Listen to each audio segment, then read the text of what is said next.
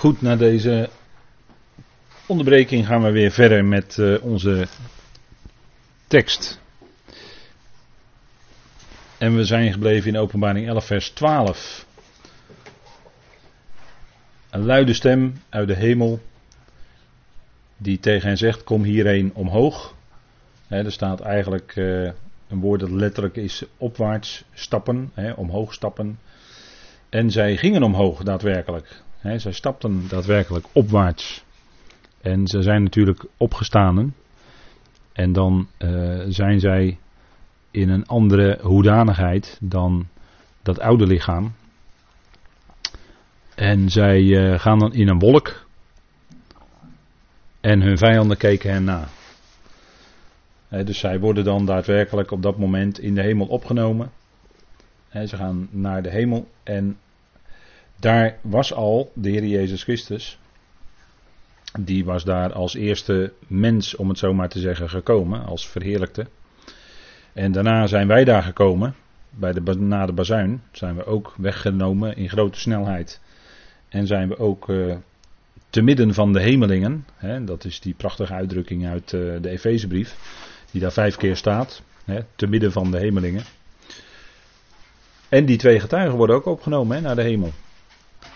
En we hebben natuurlijk de vorige keer gezien dat een Elia, weliswaar met vurige wagens omhoog ging, maar dat die later toch weer terug was op aarde. En met het getuigenis van Johannes erbij, dat niemand opgevaren is naar de hemel.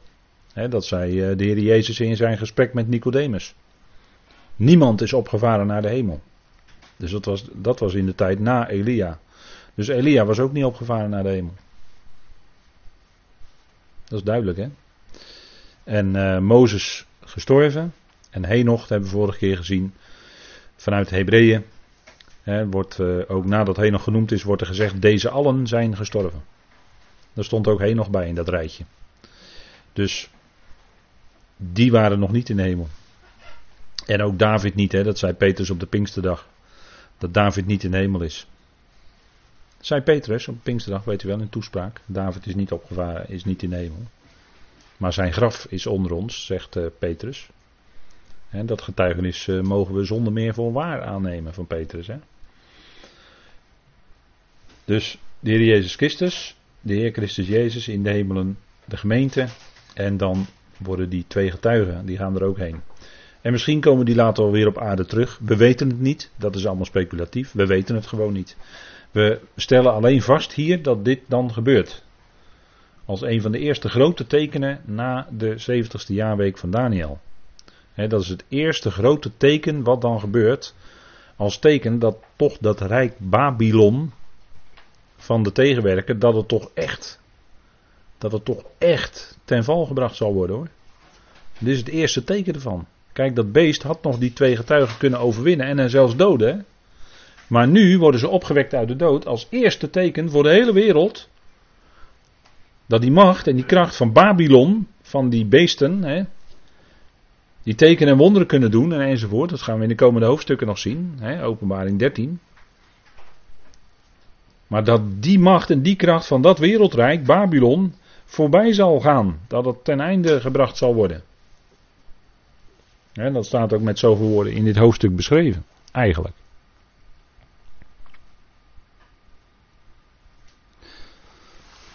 En dan komt er nog zo'n enorm teken. Hè? En op datzelfde uur, moet je nagaan, hè? op datzelfde uur, dat zij dus werden opgewekt en naar de hemel. Op datzelfde uur kwam er een grote aardbeving. En, dat, eh, en in die, uh, die wereld daar uh, loopt natuurlijk die breuklijn, die loopt vanuit Afrika naar het, naar het noorden toe. Die loopt daar zo richting Olijfberg en dergelijke. En op die breuklijn, daar heb je natuurlijk alle kans dat daar aardbevingen plaatsvinden. dat is die, uh, die seismische activiteit. dat, die, uh, dat, dat die tektonische platen dat het gaat schuiven. En dat het op een gegeven moment tot, tot een botsing, of hoe dan ook, hoe je dat moet noemen, gaat komen. Dan kunnen er grote aardbevingen plaatsvinden. Zo ook bijvoorbeeld daar in Californië, bij San Francisco, Los Angeles, loopt ook zo'n breuklijn. Ik geloof de San Andreas breuklijn. En als daar een enorme aardbeving komt, dan gaan die hele grote steden, Los Angeles en San Francisco, die verdwijnen dan in de zee, in de oceaan. Dat weet u hè, dat dat kan gebeuren. En er zijn misschien ook wel aanwijzingen in de Bijbel dat het ook daadwerkelijk zal gaan gebeuren. dat is natuurlijk, en dat, dat is natuurlijk allemaal exact op de, op de momenten dat God dat bedoelt. Hè? En hier ook op datzelfde uur vond de grote aardbeving plaats. Dat is natuurlijk niet toevallig. En dan gaat daar natuurlijk van alles gebeuren.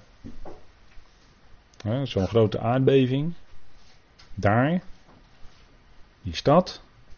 Wat denkt u wat er dan gaat gebeuren met de rotskoepel als die er nog stond, staat? dat hele zaakje. dat hoeven wij, hoeven wij mensen niet te saboteren hoor. Dat zal God zelf wel doen op zijn tijd. Kunnen gewoon rustig afwachten. En wij, wij kijken toch al dan van bovenaf naar beneden. Maar een grote aardbeving. Dus daar gaat nogal wat gebeuren in die eindtijd. Hè? En een tiende van de stad stortte in. En bij die aardbeving werden 7000 namen van mensen gedood. En dit, is, uh, dit is dan een uh, plaatje wat er denkbeeldig zou kunnen gebeuren bij een grote wereldsteden als daar een grote aardbeving plaatsvindt. Maar dan heeft u een kleine indruk hè, wat er eventueel zou kunnen gebeuren. Een tiende deel van de stad. Wordt ook niet gezegd waar precies. Maar dan gaat er al heel wat los. Hè? En dat is ook wat mensen hè, in, het, in het Engels noemen, noemen ze dat. Uh, noemen ze dat ook een act of God. U kent die uitdrukking waarschijnlijk wel. Zo'n aardbeving of een natuurramp. Dat noemen ze dan wel eens een act of God. En uh, ja, daar zit eigenlijk toch wel een zeker iets in. En want als er één is die dat alles toch in zijn hand heeft. Hè, want uh, alles, alles heeft zijn samenhang in hem, zegt Colossense. Hè, dat wil dus zeggen dat, dat die kracht van God. Die, dat hele, die hele schepping in stand houdt en vasthoudt. Dat gebeurt door de kracht van God. dat is niet, uh, niet alleen uh, natuurwetten, maar, wetmatigheden. Maar dat is de kracht van God die dat in, die vasthoudt en in stand houdt. En als God niet, dat niet zou doen, dan zou de hele zaak in elkaar eh, klappen of uit elkaar klappen. En hier een tiende van de stad stortte in, dat is wat. En nog steeds wordt de naam Jeruzalem niet letterlijk genoemd. Hè? Maar mogen ervan uitgaan dat hier Jeruzalem bedoeld wordt, omdat het daar allemaal plaatsvindt. En bij die aardbeving werden dus 7000 mensen gedood. Het is wat. dat, uh, dat zal dan natuurlijk ook een enorm teken zijn voor de mensheid als alle camera's op dat moment daarop gericht zijn, wat daar, daar gebeurt, en dan vindt daar ook een aardbeving plaats. Heeft natuurlijk nog een heel versterkend effect. dat zal de mensheid op zijn minst aan het denken zetten. vrees. Vrees bewerkt het. Hè? Staat ook in het volgende vers. En de overigen werden zeer bevreesd en gaven eer aan de God van de hemel. Dus er zijn er die inderdaad dan tot erkenning komen een stukje tot erkenning komen van de waarheid. Door wat ze zien. Dan zijn ze van overtuigd, hé, hey, die God van Israël, ja, die is er daadwerkelijk. En die grijpt ook daadwerkelijk nu in. mensen zullen, niet allemaal, maar mensen zullen dan daarvan overtuigd worden. dat is, uh, en als zij, als zij erkennen dat, dat God het is die de dingen in handen heeft, ja, dan geven ze eer aan God. Dat deed, dat deed uh, Nebukadnezar ook. In Daniel 4 kunt u dat lezen. Dat hij de God, de God van de hemel eer gaf en, en lof prees. Hoe deed hij dat? Door te zeggen dat God het is die koningen aan en afstelt. Dat God het is die koningen sterk laat worden en weer teniet doet gaan als hij dat wil. we hebben dat met de zomerstudie ook gezien. Hè? met koning Kores en de farao. De farao kon alleen maar zo sterk worden omdat God dat bewerkte. Ik heb u doen opstaan. Ik heb u verwekt. Zegt God in Exodus 9 hè, via Mozes. En, later in Romeinen 9 wordt het door Paulus herhaald. Hè, wordt die tekst aangehaald. Ik heb u sterk doen worden. En God is het ook die een koning Kores sterk deed worden. Die aan Nebukadnezar die grote macht en heerlijkheid gaf. En dat erkende Nebukadnezar toen hij zeven tijden bij de dieren gras had gegeten. Toen keerde zijn verstand in hem terug. En toen loofde hij de God van de hemel en erkende hij dat God het is. De God van de hemel, de God van Israël. Dat die de koning aan en afstelt. Dat die koningen sterk laat worden en zwak en wereldrijke eh, in aanzien doet komen, in aanzijn doet komen. Dat kan alleen maar omdat God dat zo uitwerkt en bewerkt. Kijk, als je dat erkent en uitspreekt, dan eer je God. Dan loof en prijs je God. Zijn kracht, die alles overwint. Ze gaven eer aan de God van de hemel. Ze erkenden, er is daadwerkelijk ja, die God die is er en die is daadwerkelijk, werkt, die werkt daadwerkelijk. Hè. Dat is, God is nooit, God zit nooit stil. God is altijd actief. God is altijd werkzaam. God is niet passief, hij is altijd actief bezig om zijn plannen uit te werken. dat, dat is dat is het wezen van God. Hè? God is geest en dus is er activiteit. Dus is er leven. Dus is hij bezig zijn plan uit te werken. Dag in dag uit. Van uur tot uur. Van minuut tot minuut is hij bezig. En werkt hij dat geweldige plan uit. Ook in deze tijd. Waarin wij denken alles loopt hem uit de hand. Wel nee. Wel nee. Dan denk je veel te klein van God. Loopt hem helemaal niets uit handen. Hij heeft alles perfect onder controle. De Allerhoogste, hè, dat erkende Nebukadnezar, dat de Allerhoogste heerser is over het koningschap van de mensen en dat geeft aan wie hij wil. Aan wie God wil, hè. aan wie God het wil, geeft hij dat. En zo niet, dan niet. Dan gaat het niet door. Hè? Als er verkiezingen zijn, dan denken wij democratisch, wordt door mensen bepaald. Wel nee. Iedereen denkt, die wordt het, die wordt president van Amerika. En de volgende ochtend is het ineens die ander. Die niemand had gedacht. En, en van wie de, de, de, de pers in de westerse landen, die waren juist fel tegen die kandidaat. Presidentskandidaat. Die waren dus juist fel tegen. bijna de, de voltallige pers van alle westerse landen. En toch wordt die het juist. Die wordt president. Ja, dat is humor. Vind ik, er zit ook nog wel een beetje humor in ook. Nou, hij geeft het aan wie hij dat wil. En niemand kan, kan eh, macht uitoefenen in deze wereld op politiek gebied als, eh, als het niet door God uiteindelijk bepaald is hoor. En er zijn mensen die op grond van de Bijbel daar heel anders over denken. Maar als, het, als, het, als we toch deze teksten erop naslaan, dan wordt het toch wel duidelijk, lijkt mij.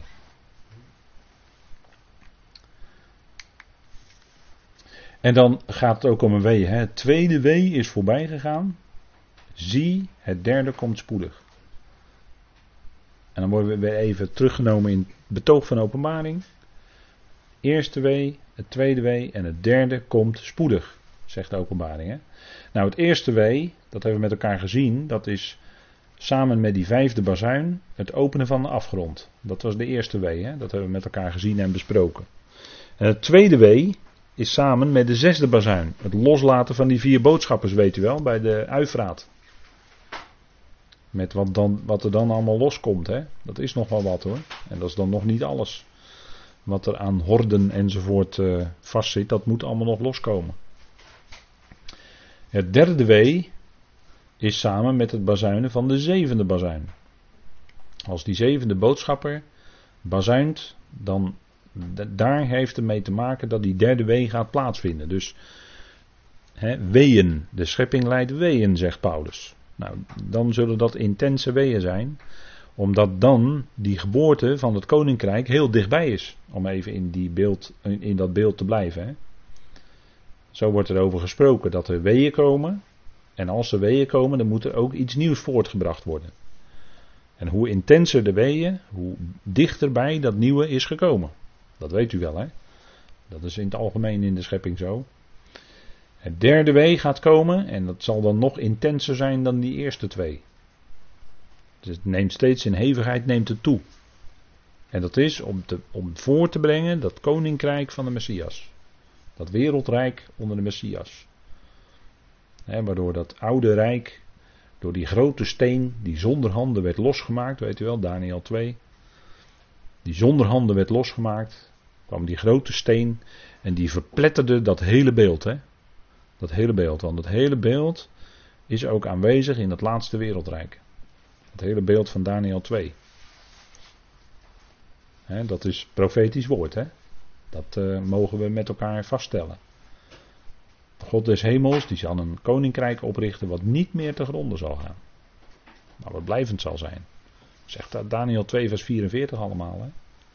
Vandaar dat Matthäus ook spreekt over het koninkrijk der hemelen. Dat is niet de hemel, maar dat is een rijk wat uit de hemel op de aarde komt. Door de Messias.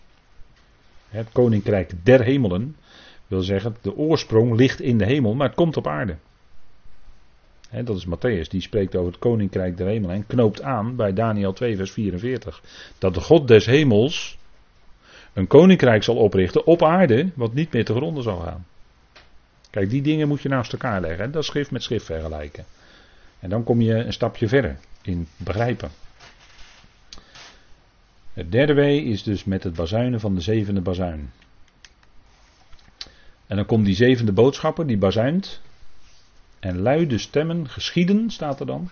In de hemel zegt het koninkrijk van deze wereld werd van onze Heer en van zijn Christus. En hij zal regeren voor de eonen van de eonen. Amen. Dit wordt ook gezongen in de Messiah van Hendel, hè? weet u wel? Machtig koor is dat. dat moet dan ook luid gezongen worden met, met die prachtige muziek erbij. dat, dat hoor je dan. In de Messiah van Hendel hoor je dit, dit doorkomen. Hè? Openbaring 11 vers 15. Prachtig. En de zevende boodschapper bazuinde. En welke tijd betreft dat? dat, dat als die bazuin aangeblazen zal worden, dan is dat niet zomaar dat, dat het even één minuut is. Nee, dat is een bepaalde tijdperiode in openbaring. Hè. Als je dat wat nader op in gaat zoomen, dan uh, zou dat heel goed kunnen zijn dat die tijdspanne omvat vanaf openbaring 12, hè, misschien wel tot openbaring uh, 20, al die gerichten die erin plaats gaan vinden, alles wat daarin gebeurt. En welke tijd betreft dat nou? Dat is die laatste periode, die tweede helft van de jaarweek van Daniel, als die vrouw, daar zullen we dan in openbaring 12 uh, eh, naar gaan kijken. Die vrouw die vlucht in de wildernis, openbaring 12, tijd, tijden en een halve tijd. Het staat op deze dia hoor, die we hier nu uh, presenteren, dus je kunt dat later zelf allemaal nazoeken. Tijd, tijden en een halve tijd. Het beest heeft volmacht 42 maanden. Openbaring 13. Zeven schalen worden uitgegoten. Openbaring 15 en 16, de meest intense gerichten die in openbaring beschreven staan. Babylon, hè, niet te vergeten, Babylon gaat vallen. Die val zal groot zijn hoor. En dat, dan zal Babylon ook nooit meer hersteld worden. Nooit meer hersteld worden daarna. Dat is het definitieve, echt definitieve einde van Babylon dan. Hè. Leest u maar na. In openbaring 18 en 19 wordt het uitgebreid beschreven. En in 14 wordt het al aangekondigd. En dat is de tijdspanne, tweede helft, laatste jaarweek Daniel. De zevende boodschapper bazuint het derde wee. Hè? Want als die gaat bazuinen, dan is er ook sprake van het derde wee. En een wee, dat hebben we gezien, dat is een tijdperiode nog. Hè, dat even om voor u op een rijtje. Dan is het misschien een hint waaraan u zou kunnen denken. En van Christus staat dan dat hij zal regeren voor de eonen van de eonen. Dat zijn die laatste twee tijdperken. Hè? De duizend jaren en de tijd van de nieuwe hemel en de nieuwe aarde. Dan zal hij regeren. Totdat die regering voleindigd is. En dan zal hij het koningschap aan vader overdragen, zegt Paulus. De laatste twee eonen. Gods voornemen van de eonen, Gods plan van eonen. Hè, staat in het Grieks een heel mooi woord, dus prothesin. dat uh, voorplaatsing is dat eigenlijk letterlijk, dat wat voorgeplaatst is. God heeft dat zich voor ogen geplaatst, zou je misschien kunnen zeggen. Gods voornemen van eonen. En in de schrift zijn daar vijf eonen te onderscheiden. En de komende eonen, dat uh, is de duizend jaar en de tijd van de nieuwe hemel en de nieuwe aarde, totdat die, die tijd voltooid is. Dat, is, dat wordt in de schrift genoemd de eonen van de eonen. Twee keer meervoud. Helaas vaak vertaald met in alle eeuwigheid, maar dan weet je niks. Dan weet je echt niks hoor, als je dat leest. Weet je helemaal niet wat dat is. In alle eeuwigheid, wat betekent dat nou? Dat betekent helemaal niks eigenlijk. Maar als je het hebt over de eonen van de eonen, dan is het veel specifieker. Dat is precies het Grieks. Dan gaat het om, om tijdperken. Hè. In de Bijbel is een eon of een aion is een tijdperk. Niet een wereldmacht, maar een tijdperk. En in die komende eonen, hè, de Jezus, in, in de evangelie lees je uh, uh, soms over de toekomende eeuw, de toekomende aion, dat is het komende koninkrijk, de duizend jaren. Daar kijkt de Jood naar uit. Dat verwachten gelovigen uit zijn volk. In, dat zij in de toekomende eon het eonische leven zouden hebben. Leven in de komende eon betekent dat. Dus, dat is enkelvoud, hè, toekomende eon. En soms wordt er gesproken over de komende eonen. Dat is in Efeze 2. De komende eonen. Dat is onze bediening, te midden van de hemelingen. In de komende eonen. Komende twee tijdperken. En die zullen dan uiteindelijk ook een einde krijgen als God alles in allen wordt. Hè. En dan breekt pas echt, om het zo maar eens te zeggen, de eeuwigheid aan. Maar dat is na de eonen. Dan is de tijd zonder einde. Is ook geen sprake meer van tijd dan. Maar dan is het eindeloos. Dan is het uh, eindeloze heerlijkheid. En hij zal dus regeren, zijn Christus, hij zal regeren voor de eonen van de eonen. Dus niet voor eeuwig, zoals soms abusievelijk gezongen wordt, dat hij voor eeuwig zal regeren. Ik zing dat meestal niet mee, want ja, ik let dan toch een beetje op wat ik zing. Maar ik zing dan niet dat hij voor eeuwig zal regeren. Dat kan ik niet zingen, want dat is niet zo. Het is niet waar. Hij zal regeren in de komende eonen. Totdat hij dat koningschap aan God overdraagt. Opdat God zei alles in alles, zegt Paulus in 1 Korinthe 15. Dus zijn regeringsperiode is beperkt. Is niet eeuwig. En dat, die uitdrukking vindt u maar één keer in de Bijbel. Gods voornemen van de eonen. Dat is in Efeze 3 vers 11.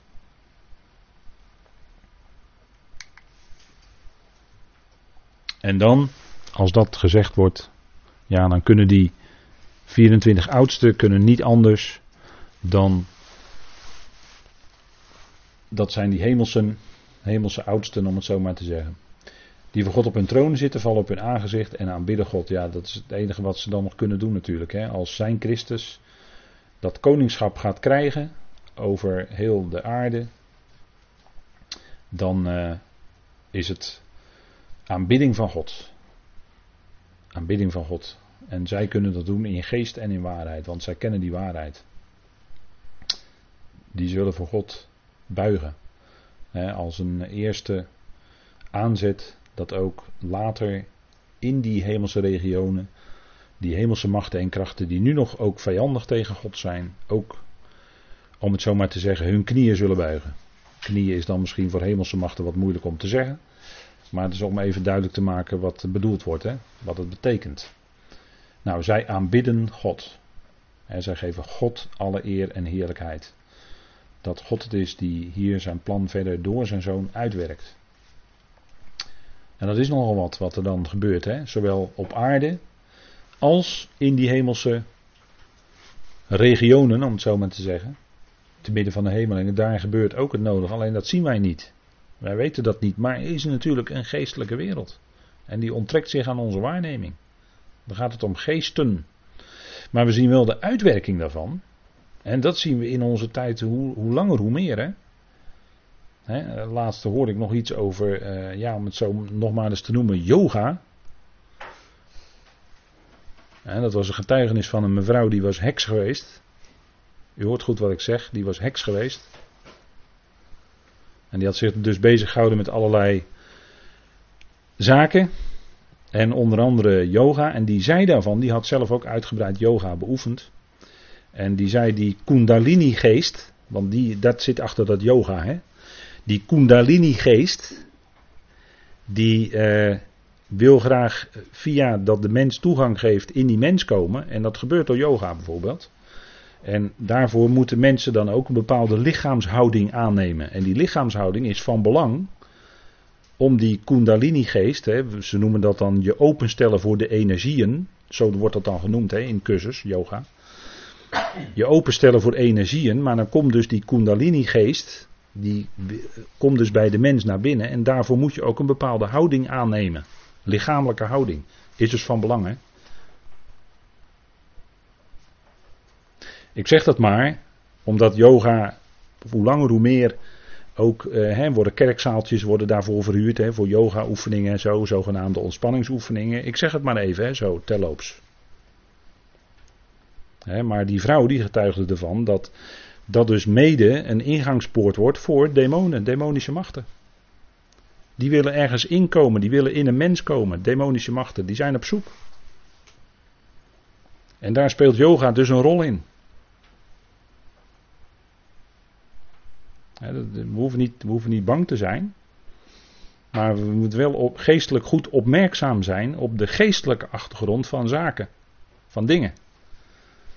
En omdat yoga zo enorm populair is en zo onschuldig wordt voorgesteld als uh, lichamelijke oefeningen. Ja, dat zijn het ook, maar weet dan wel wat je doet, hè?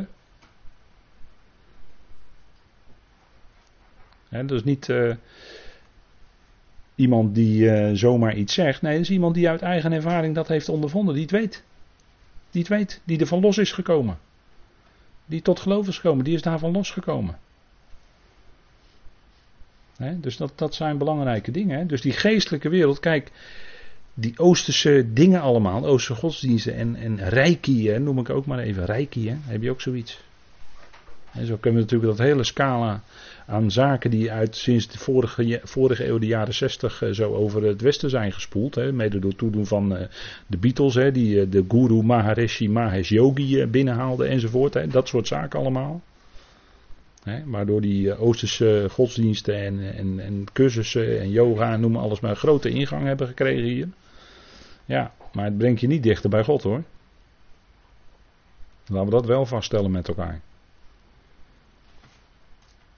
Nou, geestelijke wereld, hè, onttrekt zich aan onze waarneming, maar het is er wel en het heeft zijn invloed. Heeft zijn invloed. Hè? En, en, en, zo zijn er heel veel zaken natuurlijk te noemen. Hè. Zou natuurlijk dat. Uh, hele scala is eigenlijk, uh, zou je wel eens moeten behandelen. Niet, uh, wat, wat vroeger dan heette niet-christelijke godsdiensten. Nou, dan, dan kom je er wel achter hoor, hoe dingen zitten.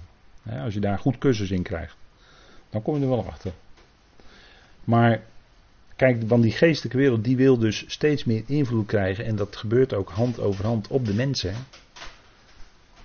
En, en dan, wat je dan gaat krijgen is dat de mens zich uh, neigt naar materie, dat de mens uh, zichzelf centraal gaat stellen enzovoort. Het zijn allemaal tekenen van dat geestelijke macht hun invloed uitoefenen. Nou, maar wat die oudsten doen is, ze vallen op hun aangezicht, voorover dus, en ze aanbidden God. Ja, het op aangezicht vallen voorover, ja, daar valt, valt ook nog wel iets over te zeggen, maar goed, dat dan nu niet. Maar zij aanbidden God. En dat is wat wij, uh, wij ook doen. Wij aanbidden God. Geven God de eer, de heerlijkheid, de plaats die hem rechtens toekomt. En dat God dat op een gegeven moment tot de conclusie komt, ja, eigenlijk heeft eh, God alles, hè, alles voor het zeggen. Zo is het.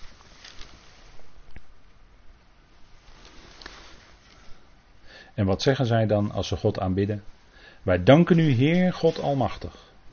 He, Pantocrator. Dat wil zeggen, Hij die alle macht heeft.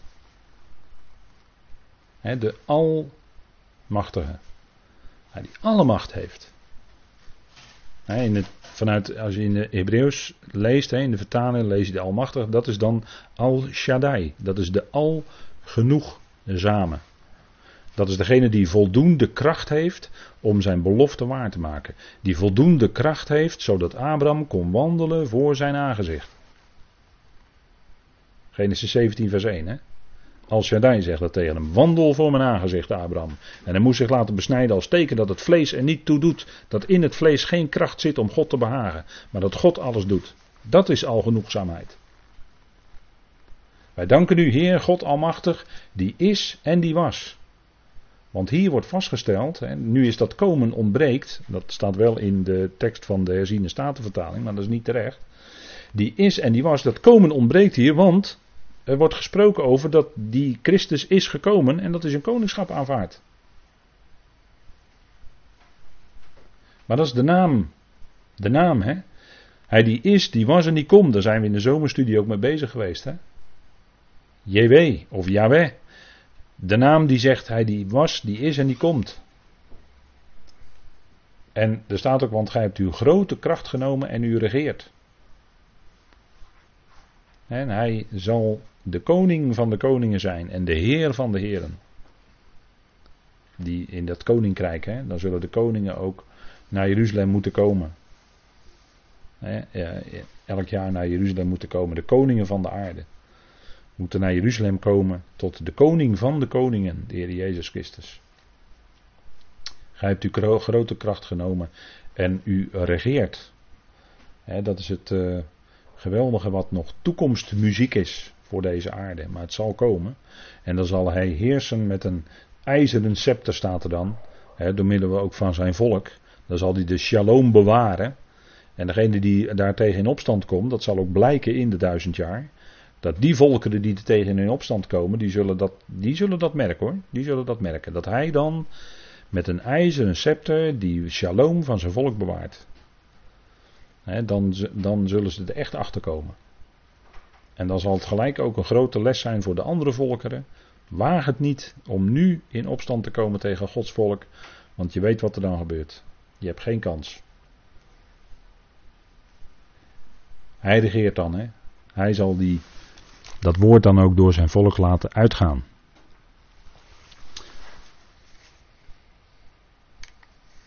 En de natieën zijn toornig geworden. En hier wordt een, een samenvatting gegeven van eigenlijk die dingen die uh, dan gebeuren met die zevende bazuin, met die zevende boodschappen die bazuint.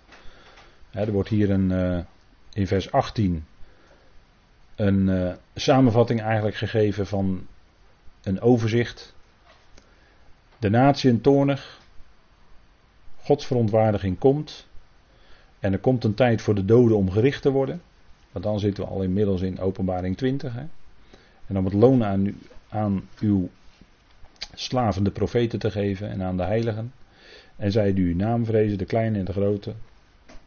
Dat zal dan allemaal gaan gebeuren als hij gaat richten. En om te verderven die de aarde verderven, dat is Babel.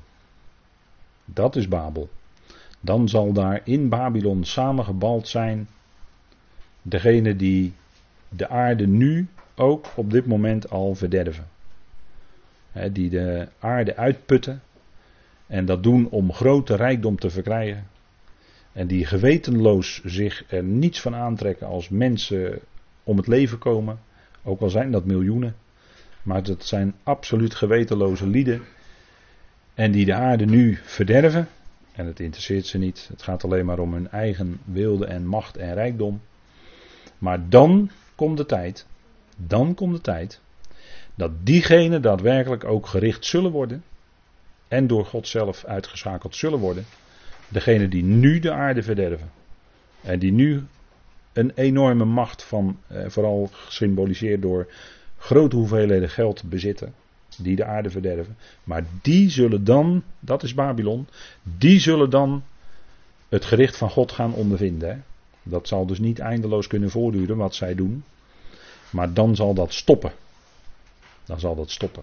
En dan wordt het ook hoog tijd dat het gaat stoppen. Want dat is nogal wat hoor.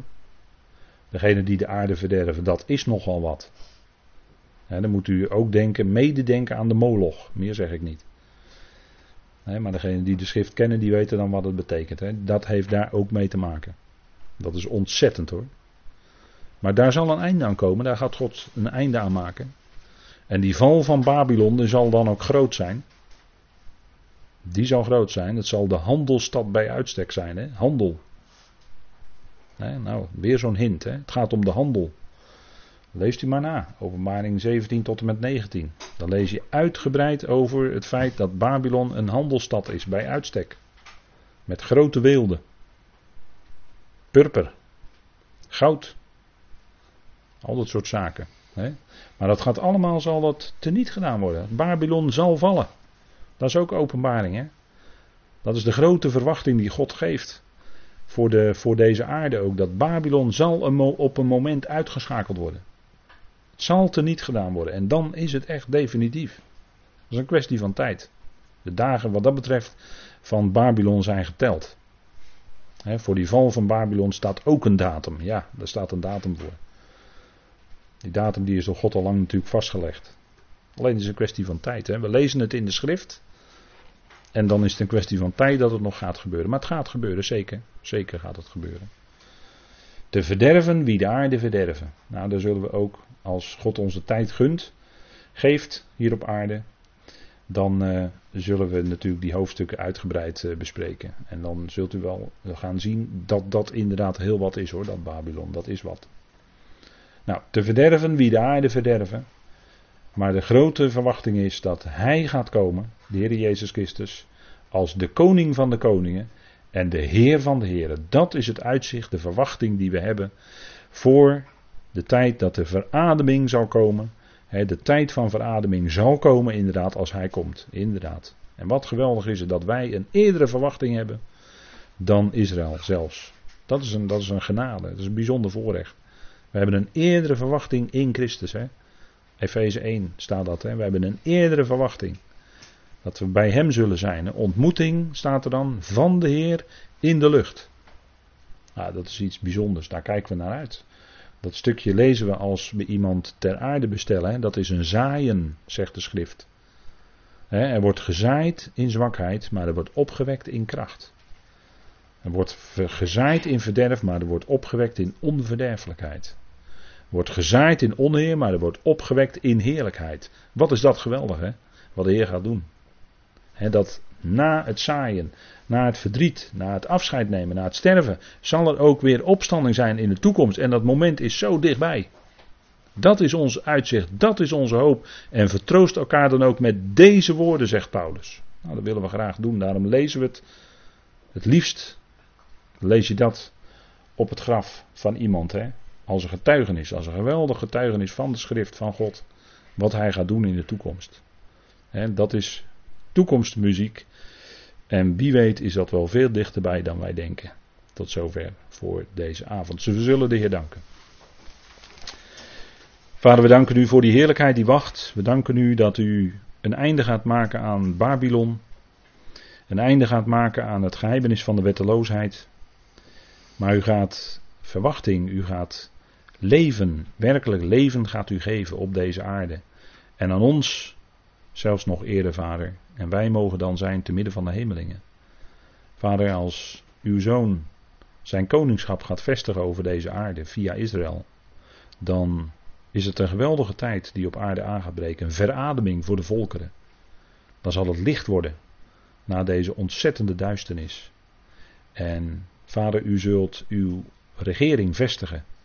Wat een uitzicht geeft het profetisch woord. Wat een verwachting. En dat doet ons hart sneller kloppen, want u gaat komen, Heer. Daar danken we u voor. We danken u dat we, als we lezen over bazuinen, dat wij een bazuin van God mogen kennen. Uit 1 Thessalonicense 4, waarin de doden in Christus opgewekt zullen worden als die klinkt. En wij allen zullen veranderd worden. En de Heer zullen ontmoeten in de lucht. Geweldig moment, vader. We kijken er naar uit. We danken u daarvoor dat dat onze verwachting is.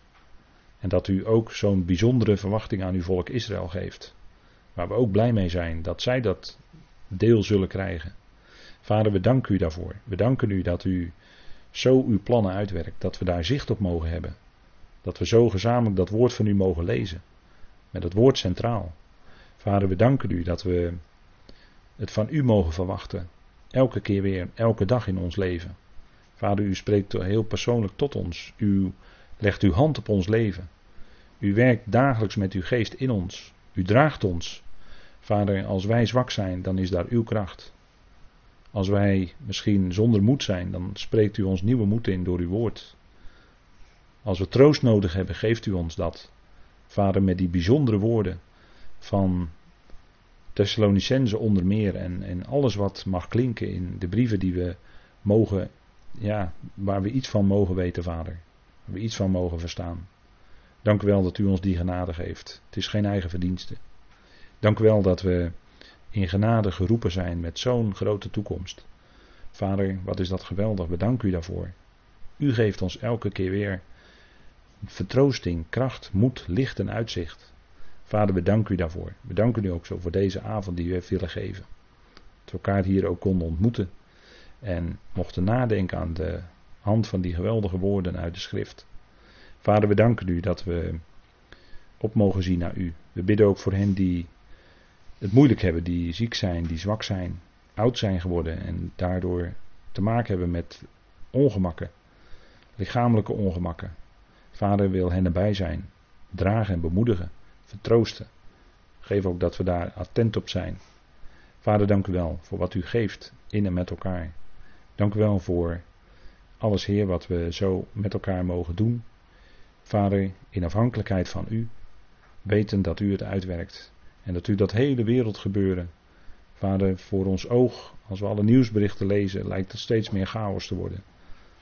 Maar als we uw woord lezen, dan zien we dat u alles in uw hand heeft. En dat het niet buiten u omgaat, dat het uw plan bezig is te volvoeren. Vader, we danken u daarvoor. We danken u voor dat uitzicht. Wat we hebben op u en op uw zoon.